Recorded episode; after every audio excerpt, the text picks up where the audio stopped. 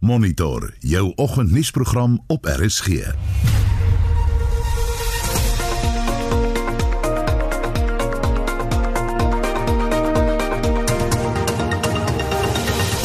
In volgens se program Sanka verwelkom die herinstelling van die verbod op die verkoop van drank. Die persoon het nie beheer oor die feit dat die verbod ingestel is nie, maar die persoon het beheer oor hoe hy daaroor wil dink en wat hy daar rondom wil doen. Die regering het nuwe inperkingsmaatreëls vir kleuterskole en dagsorgsentra aangekondig. So daar's nie 'n verpligting gelê dat kinders tot en met 5 jaar maskers hoef te dra. 'n Korttermyn versekeraar appeleer teen 'n Hooggeregshof uitspraak en ons praat met 'n regskenner hieroor. En die gewysigde sakereddingsplan van die Suid-Afrikaanse Lugdiens is aanvaar. Goeiemôre, ek is Anita Visser. En ek is Gustaf Vreiling. Welkom by Monitor.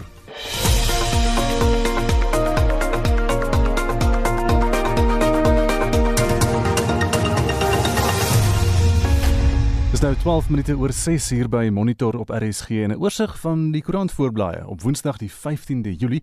Die burger vanoggend so besluit dokters wie leef en wie sterf. Voorkeur word aan jonger pasiënte gegee bo ouer is. En dis nou hoe daar gekies word eh, wanneer beddens in waaksale min raak. Jou mediese fonds gaan jou nie red nie en hulle gaan 'n bed gee aan die wat die beste kans het op oorlewing. En ook 'n berig wat sê tot 240 000 in toerismebedryf kan hul werk verloor. Daar's ook 'n foto van 'n boer se bakkie met die honde agterop uh, voor die reënboog na die woeste Kaapse storm deurbeweeg het. Beeld se voorblad is ook hierdie storie so besluit hulle wie sal oorleef en daar is dan 'n standaard prioriteitslys opgestel. Ook 'n berig wat sê as jy dink gister was erg koud, dit gaan nog hier teen 7uur vanoggend steeds onder vriespunt wees in dele van Gauteng. En die koue front sal Suid-Afrika teen môre verlaat, volgens weervoorspeller Edward Engelbrecht. En as dit nie doen nie kan ons met hom praat. Volksblad vandag ook 'n storie oor wie bed kry en wie nie. Dit berig die berig oor die 19-jarige tikkie student Stefan Nieuwoud wat homself vermoedelik in Harry Smit in die Vrystaat geskiet het. Daar's ook 'n mooi foto op Volksblad, 'n sneeufoto uit Lockston. Business Day vandag. Gordon gee die SAL warm patat aan vir Mboweni. Die lugdiens se krediteure het oorweldigend ingestem tot die sakereddingsplan en nou moet die minister van finansies 'n bykomende 10 miljard rand vind voor Woensdag. Tito Mboweni het nie juis voorheen ooghare daarvoor gehad om nog geld vir die SAL projek te gee nie. Internasionaal op bbc.com Trump signs order targeting China over Hong Kong. En so word Hong Kong se voorkeurbehandeling met 'n Trump handtekening opgeskort nadat China die uh, veiligheidswetgewing vir die spesiale administratiewe streek goedgekeur het. En is vinnige oorsig oor vanoggend se nuus. Die Wes en die Oos-Kaap is op baie plekke spierwit na sneeu neerslae die afgelope 24 uur.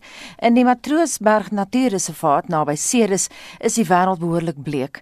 Nou, as jy daar woon, wil ons graag van jou hoor, het jy enige probleme teëgekom of as jy ervaring met sneeu het, deel dit met ons vanoggend.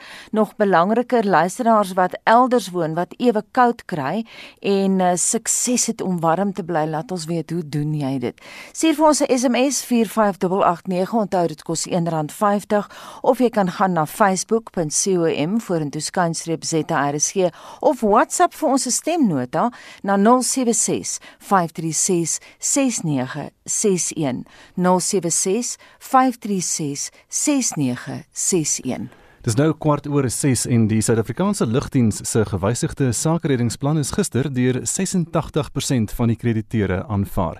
Die regering het ook die uitslag aanvaar waarin krediteure en rolspelers 'n nuwe hergestruktureerde mededingende lugdiens voorsien wat onmiddellik sal begin vlieg. Die maatskappye het bepaal dat die voorgestelde reddingsplan in werking gestel kan word wanneer geld daarvoor beskikbaar is. Mitsi van der Merwe berig. Krediteure vakbonde en rolspelers het ten gunste van die gewysigde SAL sake reddingsplan gestem. Die departement van openbare ondernemings het ook onderneem om bewys van befondsing vir die plan te gee om voort te gaan soos bepaal deur die maatskappye wet. By die krediteure se vergadering die week het 86% van die groep die plan gesteun. Die departement van openbare ondernemings sê hulle sal in die komende week 'n nuwe tussentydse raad aanstel met die huidige uitvoerende hoof Philip Sanders as die tussentydse bestuurshoof. Seviwe Dongwana is een van die gesamentlike sake reddingspraktisyns. 86% of the proxies are in favor of the business rescue plan of SAA. That in a vote called in terms of the Act, proposed business rescue plan will be approved on a preliminary basis if A. It is supported by the holders of more than 75% of the creditors that were voted. That is the case. And the second part, the votes in support of the proposed plan included at least 50% of the independent creditors' voting interest. The non independent interest is less than a percent. Die waarnemende direkteur-generaal by die Departement van Openbare Ondernemings, Gatatsu Tigakudi, het vroeër die krediteure aangespoor om vir die plan te stem. Hy sê dit is in die beste belang van die regering om die herstrukturering van die lugdiens te steun. Hy glo die nuwe lugdiens sal 'n aantreklike bate wees vir 'n ekwiteitsvernoot. The old way of contracting for labor and services is being departed from. Productivity and efficiency will guide the performance and management system of the airline going forward. So uh, the SAA that will emerge from the restructure and this subsector is going to be very attractive assets. And in this regard, we have started the process of getting a transaction advisor in place to pair up the engagements that we have been having as government with uh, prospective uh, strategic active partners. Die regering en ses groot vakbonde het verlede week 'n ooreenkoms vir afleggings by die SAL bereik. Al die vakbonde behalwe die wat die loodse verteenwoordig, het die nuwe gewillige skeiingspakket aanvaar. Ongeveer 2700 werkers sal hulle werke verloor maar die skeidingspakkette sal ondersteun word met 'n maatskaplike en vaardigheidsontwikkelingsplan deur die vaardigheidsopvoedings- en opleidingsowerhede of SETAs vir die werkers wat oortollig is. Die National Transport Movement NTM se president, Mashudu Rapeta, gee die redes waarom die hersiene reddingsplan aanvaarbaar is. We have reached a point of just saving the airline. It's no longer about who's benefiting there and there, but it's just about saving the airline. And um, it will then have to change. For instance, we know that what caused the airline to come to its knees were poor governance, corruption, looting. It is now that must be changed. We are ready to engage and start afresh. Die nuwe plan beteken ook dat werknemers voorkeur in posisies sal kry in 'n nuwe hergestruktureerde nasionale lugredery sou hulle oor die toepaslike vaardighede en bekwaamheid beskik. Die skeiingspakket vir werkers sluit in 1 week per jaar aan die einde van hulle dienstyd, 'n maand kennisgewingsbetaling, opgehoopte verlofuitbetaling en 'n 13de tjek. Die regering benodig 'n bykomende 16 miljard rand vir die reddingsplan. Amina Akram het hierdie verslag saamgestel. Mitsi van der Merwe, SAK nuus. Dis nou 23 minute oor 6 uur by Monitor in die departement van hoër onderwys se wetskrif van 2021 plaas inklusiewe onderwys onderwys in lyn met die grondwetlike waardes van die land. 'n Senior dosent by 'n opleidingsentrum van Stadio Holdings, Dr. Avivid Cherrington, gee toe dat die beleid nie altyd suksesvol toegepas word nie. Volgens haar is dit die rede hoekom dit so belangrik is om onderwysers se vaardighede voortdurend op te skerp. Mitsi van der Merwe het met haar gepraat. Stadio Holdings is 'n privaat maatskappy in hoër onderwys. Dr. Avivid Sherrington sê die groep se doel is om uiteindelik alle verdienstelike leerders 'n geleentheid tot gehalte onderrig te bied.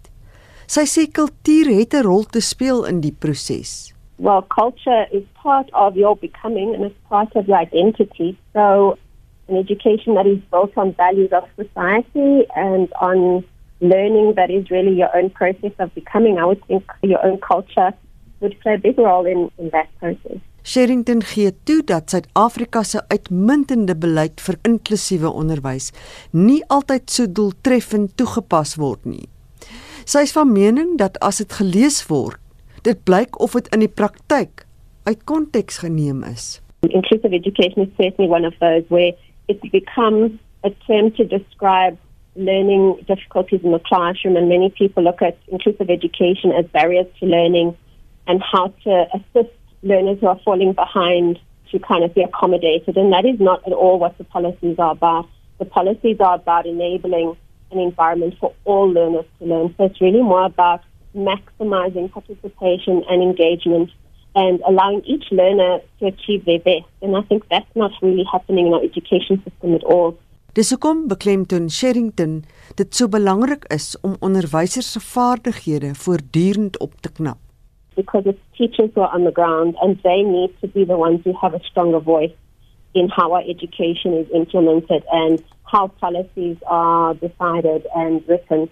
And without critical teachers who are more engaged in reading policies and understanding and also in influencing and shaping these discussions, I think that's where we fall short between our policies and our implementation. Dit sê Dr Sherrington is spesifiek wat die nuwe aanlyn navorsingsgebaseerde BA honeursgraad in inklusiewe onderwys deur 'n opleidingsskool by Stadio Holdings bied. Specifically aiming this at current teachers and graduate students who are wanting to develop more specialized skills in education and to advance uh, critical knowledge so that they could really be part of shaping this education system. We offer what's called a flexible hybrid learning environment. So all our programs are online through our learning management system. It's structured weekly programs or learning events, and that could take the form of webinars, discussion forums, readings. So it really combines the latest research with very practical coursework, a lot of discussions. It's a distance learning, but at the same time, it's not the type where you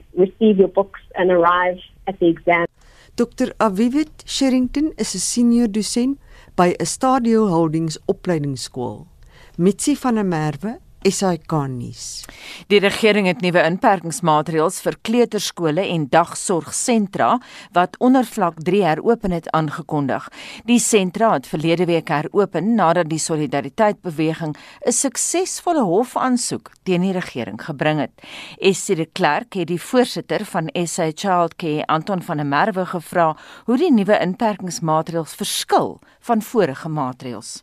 Dit verskil nie regtig in wese nie. Die departement maatskaplike ontwikkeling het al eintlik so 'n week of wat voor die tyd, eh, ek dink amper in antisipasie van die hofuitspraak, eh, wel 'n self-evaluasie dokument uitgestuur en toe 'n protokol dokument waar volgens kleuterskole moet handel. Ons het al ons ouens almal aan die gang gekry met daardie dokumente en met die inhoud daarvan om die skole gereed te kry vir oopmaak, so 'n week voor die hofuitspraak gekom het. Die staatskoerant wat hulle gepubliseer het die 10de Julie bevat eintlik nogal heelwat van daardie protokolle en van die aksies wat nodig is om plaas te vind wat hulle voorheen al bekend gemaak het. Hoe raak die wetgewing dagmoeders en speelgroepe? Daar was nooit regtig 'n uh, kategorie vir dagmoeders en speelgroepe nie. Die kinderwet sê dat mense wat kinders oppas by 'n huis en hulle het 6 of minder kinders hoef nie te registreer by die departement van maatskaplike ontwikkeling nie. So daar kon 'n ou net maar dalk aanvaar dat dit na dagmoeders verwys. Nou met die nuwe dokumentasie het hulle egter spesifieke kategorie geskep vir dagmoeders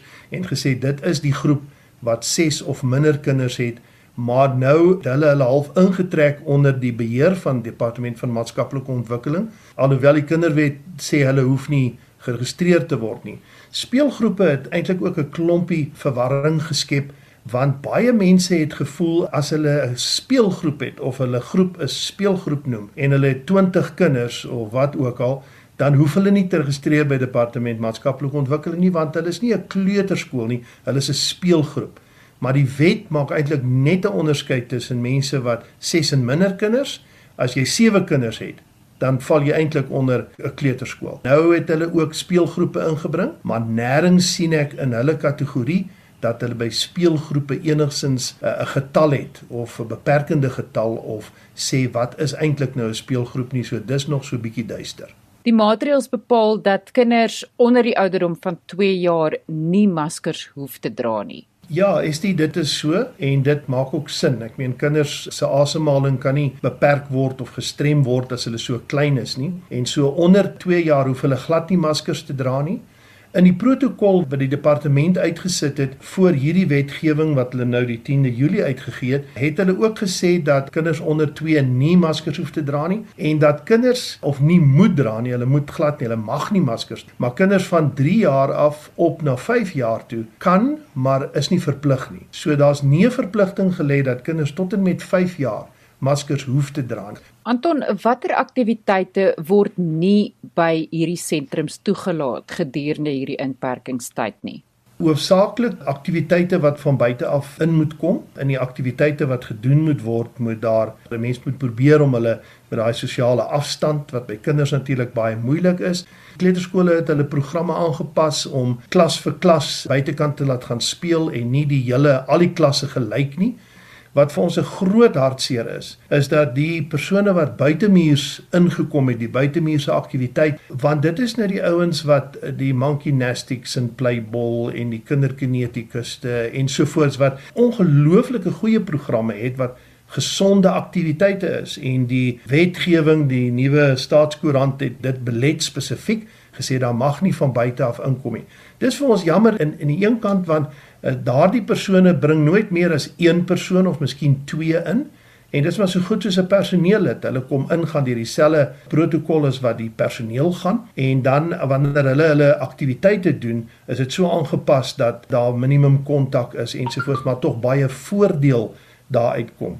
Daar is duisende mense wat landwyd hierdie aktiwiteite doen en 'n inkomste daai het verdien en die kinders so bedien en daardie mense sit nou nog terug by die huis en ongelukkig was die nuus nie alles vir hulle goed gewees nie. En en ons weet nie presies hoe ons kan invloed uitoefen om hulle te help om by die kleuterskole uit te kom nie maar ons kyk daarna ons regspan is ook besig om daarna te kyk. Sentrums moet 'n selfassesseringsvorm teken. Wat behels dit Jy moet jouself assesseer so daar sekere vrae, het jy dit, het jy dat, maak jy so, is jou program aangepas ensovoorts. As jy dan ja antwoord by al hierdie vrae ensovoorts, dan het jy jouself eintlik geassesseer en is jy dan in plek om te kan oopmaak. Daar was net gesê as jy dit gedoen het, dan mag jy oopmaak en dan sou hulle nou later iemand uitstuur om miskien een of ander stadium om te kom 'n inspeksie doen. Uiteraard is daar nie genoeg mannekrag by die departement dat hulle na al die ouens toe kan uitgaan vir inspeksie nie. Anton daar is nou onder hierdie nuwe wetgewing 'n vorm wat deur sentrums geteken moet word waardeur die regering van enige regsverantwoordelikheid gedurende die inperkingstyd kwytgeskeld word. Wat beteken dit? Ek wens ek het geweet wat die agenda agter dit is, maar dis eintlik die aanhangsel E aan die eh, dokumente wat ons gekry het eh, van die staatskoerant af en hierdie aanhangsel E is vorm 5. Nou hy hy sê maar naam in in kleuterskool en so aan en so aan. Ek verklaar dat my program is reg en ek is is reg in terme van al die gesondheidsaspekte van COVID-19 en dis fyn om dit uh, te kan verklaar. Maar dan onder die laaste paragraafie sê dat ek aanvaar dat ek al alle siviele aanspreeklikheid op my neem, op my skool neem en dit sal uitsluitlik die kleuterskool se verantwoordelikheid wees en dat die departement van maatskaplike ontwikkeling geen aanspreeklikheid neem nie. Hulle sê dit daar in hierdie verband. Nou ons weet nie presies wat se aanspreeklikheid bedoel hulle daar, maar dit is eh, uit 'n regsoogpunt uit is dit 'n weird dokument, 'n vreemde dokument wat ons nou moet onderteken en ons is nou besig om ook daarna te kyk want ons wil graag weet wat sou dit eh, beteken as van ons lede sê hulle gaan dit nie teken nie. En daai vraag word gevra deur die voorsitter van SA Childcare, Anton van der Merwe en Estie de Klerk het daardie onderhoud met hom gevoer. Jy luister na Monitor elke weekoggend tussen 6 en 8.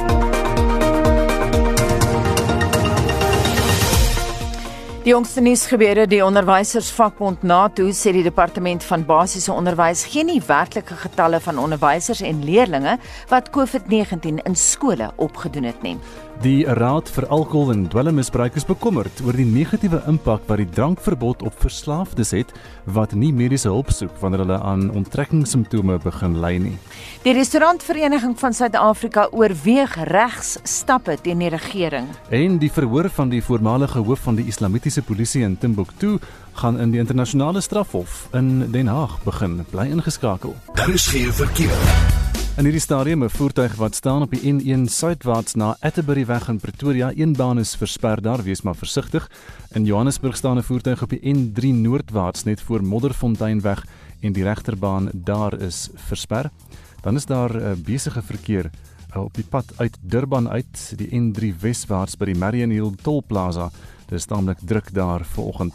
As jy weet van enigiets anders, kan jy vir ons 'n SMS aanstuur na 45889 en dit kos R1.50. Vincent Bibber ons landgenote. Ja, Anita, dit is bibberkoud en lyk my almal voel die koue wat lekker byt. Ehm um, Elisabeth de Tooi het vir ons 'n lekker ehm um, het vir ons lekker raad. Sy sê 'n sherry 'n sherry glasie met 'n lou warm ram en een naaltjie. Sy sê drink dit 3 maal 'n dag en jy bly warm in die lyfie. Dankie vir daai een Elisabeth. Ehm um, Randy Young sê George se ou Tenuka berg het 'n dun laagie sneeu Dit is koud in George, maar ek dink regtig nie ons kan saam praat van koue as ek aan Bloemfontein, Bethlehem en Harry Smith en daai plekke dink nie. Daai mense kry sekerlik kouer as ons teen die kus. Minita Renison sê Randy Young, ek wens ek was nou in die pragtige Karoo. En William Jumaat sê maak maar lekker vuur vir die family en neem dit in jou huis, dan is jou huis lekker warm en tuis. En Jack Waterboer sê ek is tans in Strydenburg in die Noord-Kaap Dit is triestig koud hier. Enige sukses wat bydra om warm te kry is 'n heerlike vuur en 'n koppie warm sterk swart koffie. En ek stem saam met Jack daar. Elsa alles sê aircons in huis wat ook verwarmers is, is lek is lekker en 'n lekker koppie, 'n lekker glasie wyn sê Elsa en 'n laaste een van Mani Reiners wat sê wat net sê dis lekker. En Minita Renison sê ek raak so jaloers op almal wat fotos van die sneeu opsit. Ek was mal oor die sneeu en 'n stans op George maar dit staan nou mos besluit om net buite my tuisdorp van George te sneeu. Sy hy sê hy's lekker jaloers. Ons wil verder dan by ons luisteraars weet, ehm um, kry hulle ook so lekker bibberkout soos ons en deel vir ons deel met ons julle ervarings. Ehm um, as dit elders is waar dit sneeu, deel met dit met ons, maar nog belangriker wil ons weet, ehm um, as jy iewers elders bly en ewe koud kry en sukses het om warm te word, hoe doen jy dit? Want ons wil graag weet. Gesels saam met ons by 45889 Onthou die SMS kos R1.50 of praat lekker saam uh, met die ander op Facebook. Jy vind ons by facebook.com vorentoe skynstreep ZARSG en stuur maar jou stemnotas van so 30 sekondes en daardie nommer is 076 536 6961. Ek herhaal hom 076 536 6961. Is 'n interessant daai luisteraar Gusta wat praat van 'n naaltjie byvoeg by of sherry of rum dat mense amper dink aan Cleveland. Maar dit is 'n skaars kommoditeit daai en jy gaan baie betaal vir jou vir daai rum as jy hom nou wil hê. Absoluut ja. 637 ons beweeg na die sportveld met Shaun Jooste. Ons begin met rugby nuus. Die WP Rugby Unie het aangekondig dat twee spelers positief getoets het vir die koronavirus en in selfafsondering geplaas is. Die spelers is nie deel van die Super Rugby of Curriebeeker groepe nie. Sowat 120 toetse is reeds by die Unie opspelers en ander personeel gedoen. Die Lions het ook gister bevestig dat hulle die voormalige Stormers senter EW Viljoen opgeraap het nadat hy sy kontrak in Engeland weens die koronaviruspandemie verloor het. Die 25-jarige Viljoen kan ook op vleuel en heel agter uitdraf. Die Lions spog nou met baie diepte in die agterlyn met Wandile Simelani, Dan Kriel, Duncan Matthews en Burger Oudendal ook op hulle boeke.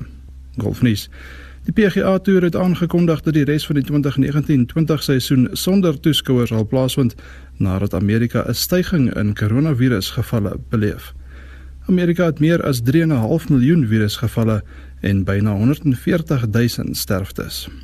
Die afslaande en groeperings vir die week se Memorial Toernooi in Ohio is ook gister bekend gemaak. Die wêreldnommer 1 speler Rory McIlroy van Noord-Ierland het die Amerikaners Brooks Koepka en Tiger Woods vir geselskap. Daar is sewe Suid-Afrikaners in die veld en dit sluit die top 3: Louis Oosthuizen, Erik van Rooyen en Christian Besuidnout ook in. Vier Suid-Afrikaners neem aan die uitdagtoernooi se oop in Oostenryk deel en dit sluit Trevor Fisher en Ja Kruiswyk in. En die twee Suid-Afrikaners wat by die Conferry Tour se San Antonio oop in aksie sal wees, is Dawie van der Walt en Taroun van Aswegen. En laastens kyk ons na gisteraand se sokkeruitslaa. In die Engelse Premier Liga het Chelsea 1-0 teen Norwich City gewen. Vanaand se weer kom Burnley teen Wolves, Manchester City teen Bournemouth en Newcastle United teen Tottenham Hotspur te staan. Arsenal en Liverpool met kwart oor 9 kragte. En in die Serie A in Italië het Atalanta vir Brescia met 6-2 afgeronsel. Vanaand half 8 speel AC Milan teen Parma, Bologna teen Napoli kwart voor 10 Roma teen Verona. Sassuolo teen Juventus en Udinese teen Lazio. Shaun Schuster is IK Sport. Dis nou 20 minute voor 7 uur by Monitor op RSG en die Restaurantvereniging van Suid-Afrika, oftewel RASA, oorweeg regsaksie teen die regering nadat president Cyril Ramaphosa Sondag aand die verbod op die verkoop van alkohol asook 'n aandklokreël vanaf 9 uur saans heringestel het. En ons gesels nou met die bestuurshoof van RASA, Wendy Alberts. Wendy, goeiemôre. Goeiemôre almal, hoe gaan dit vandag? Baie goed, dankie. Sou julle voortgaan met hierdie regsaksie? Waarvoor sal julle vra? Ons is baie terecht gesteld and very, very disappointed in the inability to communicate with the industry. We feel that government has certainly not uh, shown any effort to build pliable solutions with us to rebuild the industry.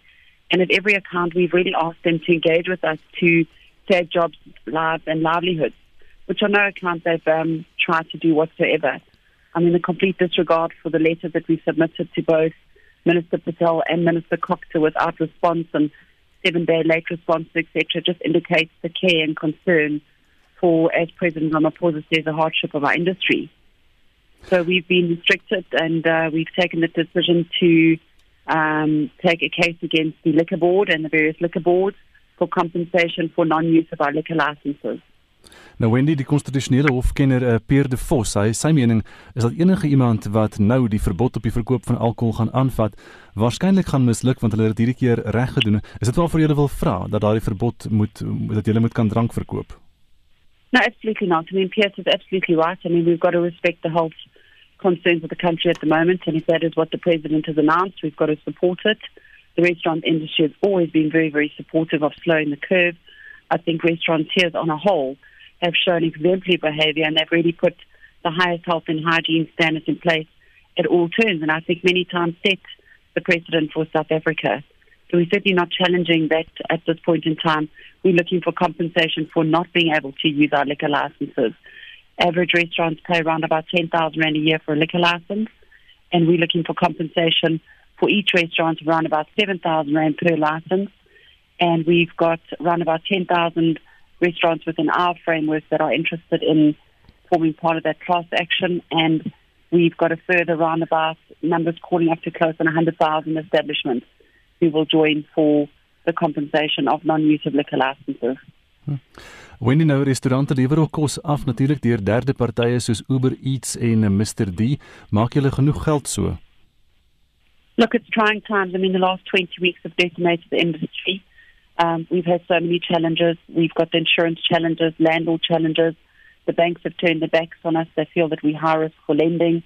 You know, it affects the supply chain. A lot of suppliers haven't been able to um, get products out. The amount of indirect jobs that are affected is massive. You know, we're currently going through retrenchment. We anticipate that there will be close on 400,000 retrenchments in the restaurant industry in the next couple of weeks.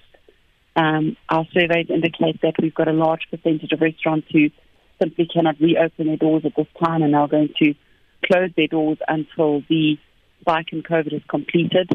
So there is certainly a real reliability, obviously, on the takeaway and delivery sector. But as you well know, the curfew again has put further restrictions and an inability for restaurants to trade functionally. Jy praat nou so van die afleggings. Rasa het ook 'n fotoveld tog begin waar uh, restauranteienaars op foto's kan aandui hoeveel werksverliese hulle gehad het. Wat probeer hulle daarmee bereik? We try to highlight to government the colorful position of our restaurant industry just to outline who are the restaurant owners, how many jobs are being lost, how many people are being affected. I think there's a mass, massive misperception of who is actually restaurant owners and who works within the restaurants. And I think this colourful projection just really outlines how desperate we are and how how the government really needs to take heed of the contribution that we make not only to the GDP, but to the massive and massive jobs that we create on an ongoing basis. And the implosion that this is going to have on the effects of the economy is dramatic and severe. So I certainly do hope that government has very deep pockets with a lot of money to support all the jobs that have been lost through the restaurant sector in South Africa because it is extremely sad and decimated times for us. Wendy, het jy enige idee hoeveel restaurante al moes sluit sedert die begin van hierdie inperking? There's thousands of restaurants. I mean, we've got a huge, huge list going. Um, and coupled with that, obviously, is jobs, more job losses. And the bigger concern is, I mean, we have massive contributed to the economy. We are taxpayers, we formal establishments, and there are so many sideline taxes that we pay. SAMRO, SAMPRO, TV licenses, liquor licenses, trading licenses. There's so many um, other side taxes, like I said. So I don't know how the government is going to feel with the dent that we are no longer contributing into that space with amounts of closures and job losses. Hmm. Wendy baie dankie ons gesels met die eh, bestuurshoof van Rasa, die restaurantvereniging van Suid-Afrika, Wendy Alberts. Die herinstelling van die verbod op die verkoop van alkohol is Sondag aand met onmiddellike effek deur president Cyril Ramaphosa aangekondig. Die Nasionale Raad vir Alkohol en Dwelmmisbruik, oftewel SANKA, ondersteun die regering se besluit, maar SANKA is bekommerd oor die negatiewe impak wat die verbod op verslaafdes het wat nie mediese hulp soek wanneer hulle aan onttrekkingssimptome begin ly nie. Esre de Klerk het meer. In ons samelewing gaan feesvieringe hand aan hand met die skiet van vonkelwynproppe en die klink van glasies. En dis als in die hak as matigheid voor oë gehou word, sê die direkteur van die Suid-Afrikaanse Nasionale Raad vir Alkohol en Dwelmmisbruik se Horizon Kliniek in Boksburg, Sandra Pretorius. Niemand kyk jou snaaks aan as jy drink as jy hartseer is nie of as jy alkohol misbruik as jy gelukkig is nie. So in ons samelewing is dit die norm.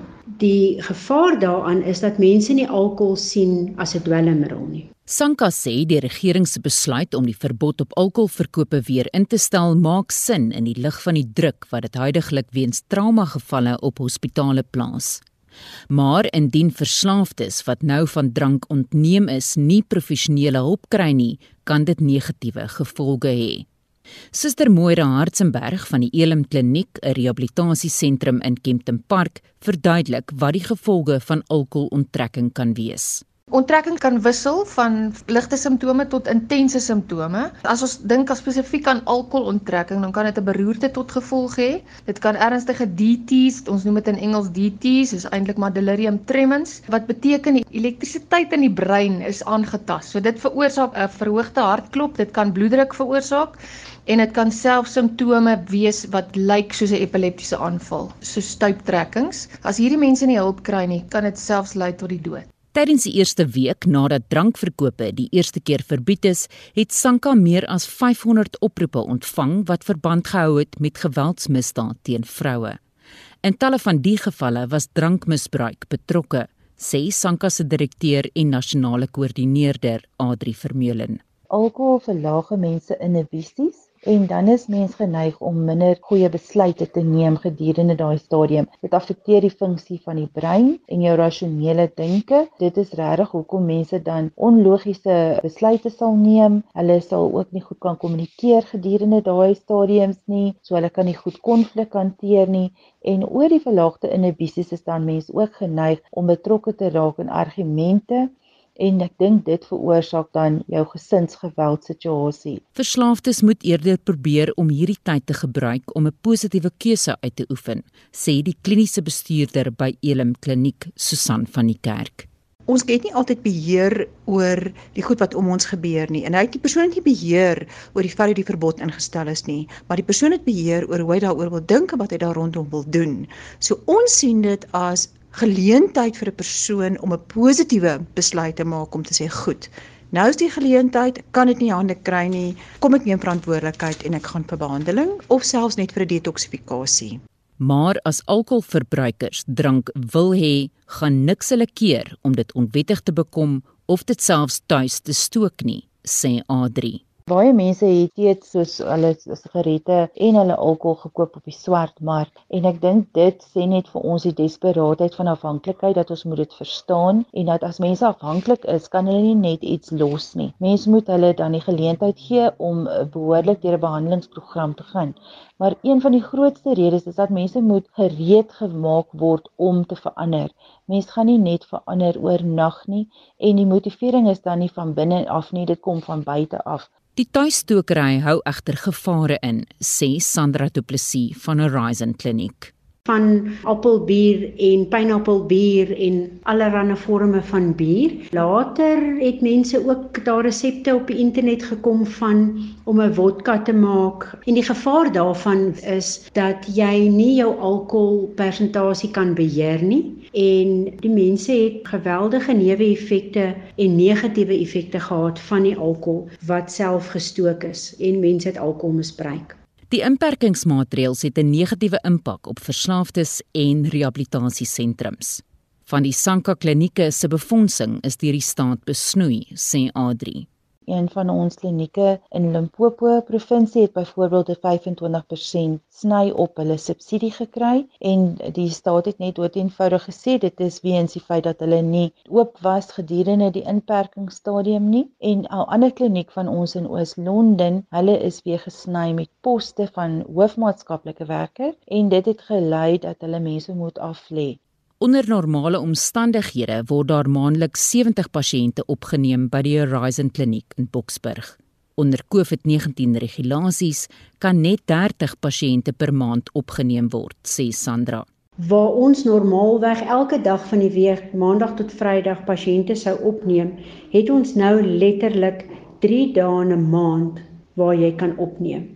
Want jy moet 'n pasiënt opneem Die pasiënt of pasiënte moet vir 'n periode van tot 14 dae in isolasie wees om te kan sien dat niemand siek is nie en niemand siek word nie. En dan eers kan mens 'n volgende groep pasiënte opneem.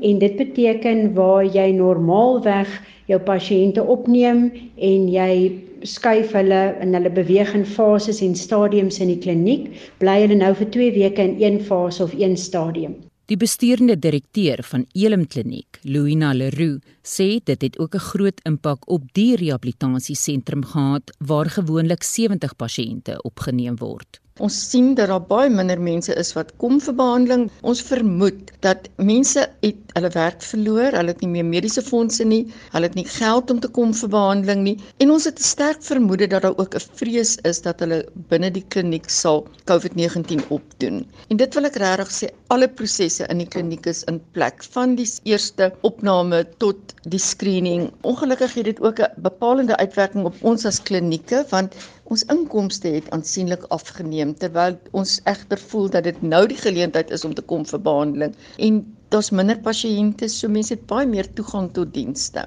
Dit was die besturende direkteur van Elim Kliniek, Louina Leroux. Ek is Estie de Klerk vir SAK nuus. Monitor het verlede week berig oor uitspraak wat die Kaapse Hooggeregshof gelewer het teen 'n korttermynversekeraar Guardrisk. Die maatskappy Cafe Chameleon het Guardrisk gedagvaar om die versekeraar te verplig om sy kontrak na te kom en 'n dekkingseis uit te betaal. Sedertdien het nog water in die see geloop en ons praat hier oor met die direkteur van die eenheid vir versekeringsreg aan die IP professor Birgitte Kuske. Goeiemôre Birgitte. Goeiemôre Anita. Ek verstaan Gadrisk het geappeleer. Ons het nogal gewonder of hulle sou. Ja, Anita, die saak het hier voort. Hier het omtrent daagliks vind daar nuwe verwikkelinge in hierdie spesifieke aangeleentheid plaas. En ehm um, die versekeraar het in hierdie geval appel aangeteken. Ons het dit verwag. Die industrie sal waarskynlik die saak verder voer vir nog 'n redelike termyn. Nou monitor is oorval met navrae deur ander klein sakelei wat die saak volg. Kan die korttermyn ombudsman nie ook 'n rol speel om mense se sake aan te hoor nie? Anita die ombudsman uh, het 'n probleem. Die eerste plek, daar is jurisdiksie limite op sekere tipes eise. Die ombudsman of die ombud het nie self enige besluitnemingsbevoegdheid nie. Die ombud het diskresie om sekere sake aan te hoor en maak dan bloot 'n aanbeveling aan die partye. Ehm um, die ombud kan nie vra vir addisionele getuienis of getuies uh, vra om getuienis te kom lewer nie of om lang ondersoeke te loods nie. Wat die ombud ook onlangs in 'n media verklaring op 2 Junie duidelik gemaak het, is dat hulle verkies om nie kommersiële sake te hanteer nie. Hulle vind die kommersiële sake te kompleks dit vereis besondere spesialisasie en dat 'n hof 'n meer geskikte forum is om die dispuut by te lê. Net so vinnig maar ombudsklagte nie behoorlik aangehoor word nie. Ehm um, moet die saak hof toe gaan en dit vereis dan nog 'n ekstra stap en neem nog ekstra tyd. Birgit net vinnig, is daar dan nie polisse wat mens verplig om na die ombudsman toe te gaan nie? Sekere polisse het interne dispuutbeslegtingsprosedures ja waaraan die versekerde moet voldoen.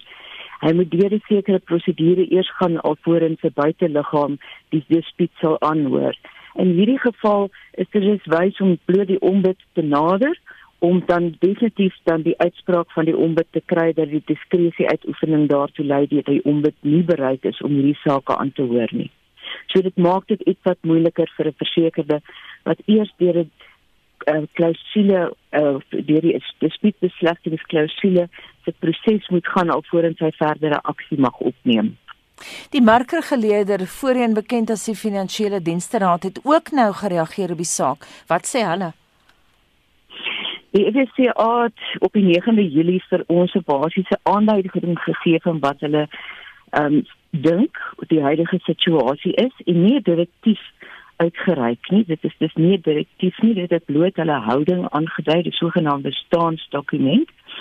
En hulle het baie duidelik gesê dat 'n grendelsluiting nie 'n rede is om die eis af te wys nie. Dit beteken dat hulle het eintlik ehm um, die uitspraak wat ons in die saak in die Godrisk saak gekry het, gekondoneer dat die grendelsluiting nie eintlik in die pad staan van 'n eis nie. As daar 'n virus is, volgens die FSCA, daar is 'n infeksie op 'n groterige perseel of 'n naburige perseel binne die radius wat die spesifieke klousule van 'n polis bepaal, dan is dit voldoende as 'n virusinfeksie wat dan die versekeringsdekker sneller is wat die dekking dan inderdaad effektief maak of as daar wel 'n virusinfeksie in een van die hotspot areas is en hierdie besigheid lê in 'n hotspot area. Nou moet ek baie duidelik sê elke klousule wat ons nou raakloop is anders. Ons sien geweldig baie weergawe van polisse. Selfs enkel versekeraars se polisse verskil radikaal ten aansien van die bewoording.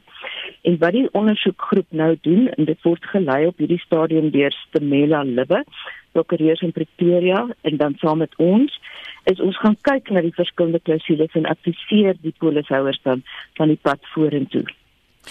Ons praat nou van versekerings en baie van hulle is nie lus om uit te betaal nie. Ek verstaan Santam het 'n baie interessante e-pos uitgestuur die week. Ja, Santam het aan hulle makelaars en agente kennisgewing uitgestuur oor hulle reaksie.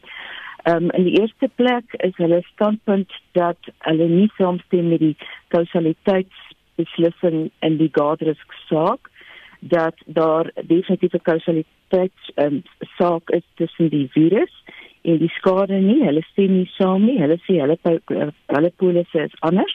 Hulle gaan voort met hulle eie aansoek in die Weskaapse Hooggeregshof wat uitgestel is na September, wat baie laat is. In die kennisgewing het hulle byvoorbeeld duidelik gesê dat hulle ontken die Godrest presedent. Hulle maak staat op 'n sogenaamde trends klousule. Nou die trendklousule bepaal dat jou eis word uh, bereken na aanleiding van die mode of trend van jou besigheid op hierdie spesifieke tyd.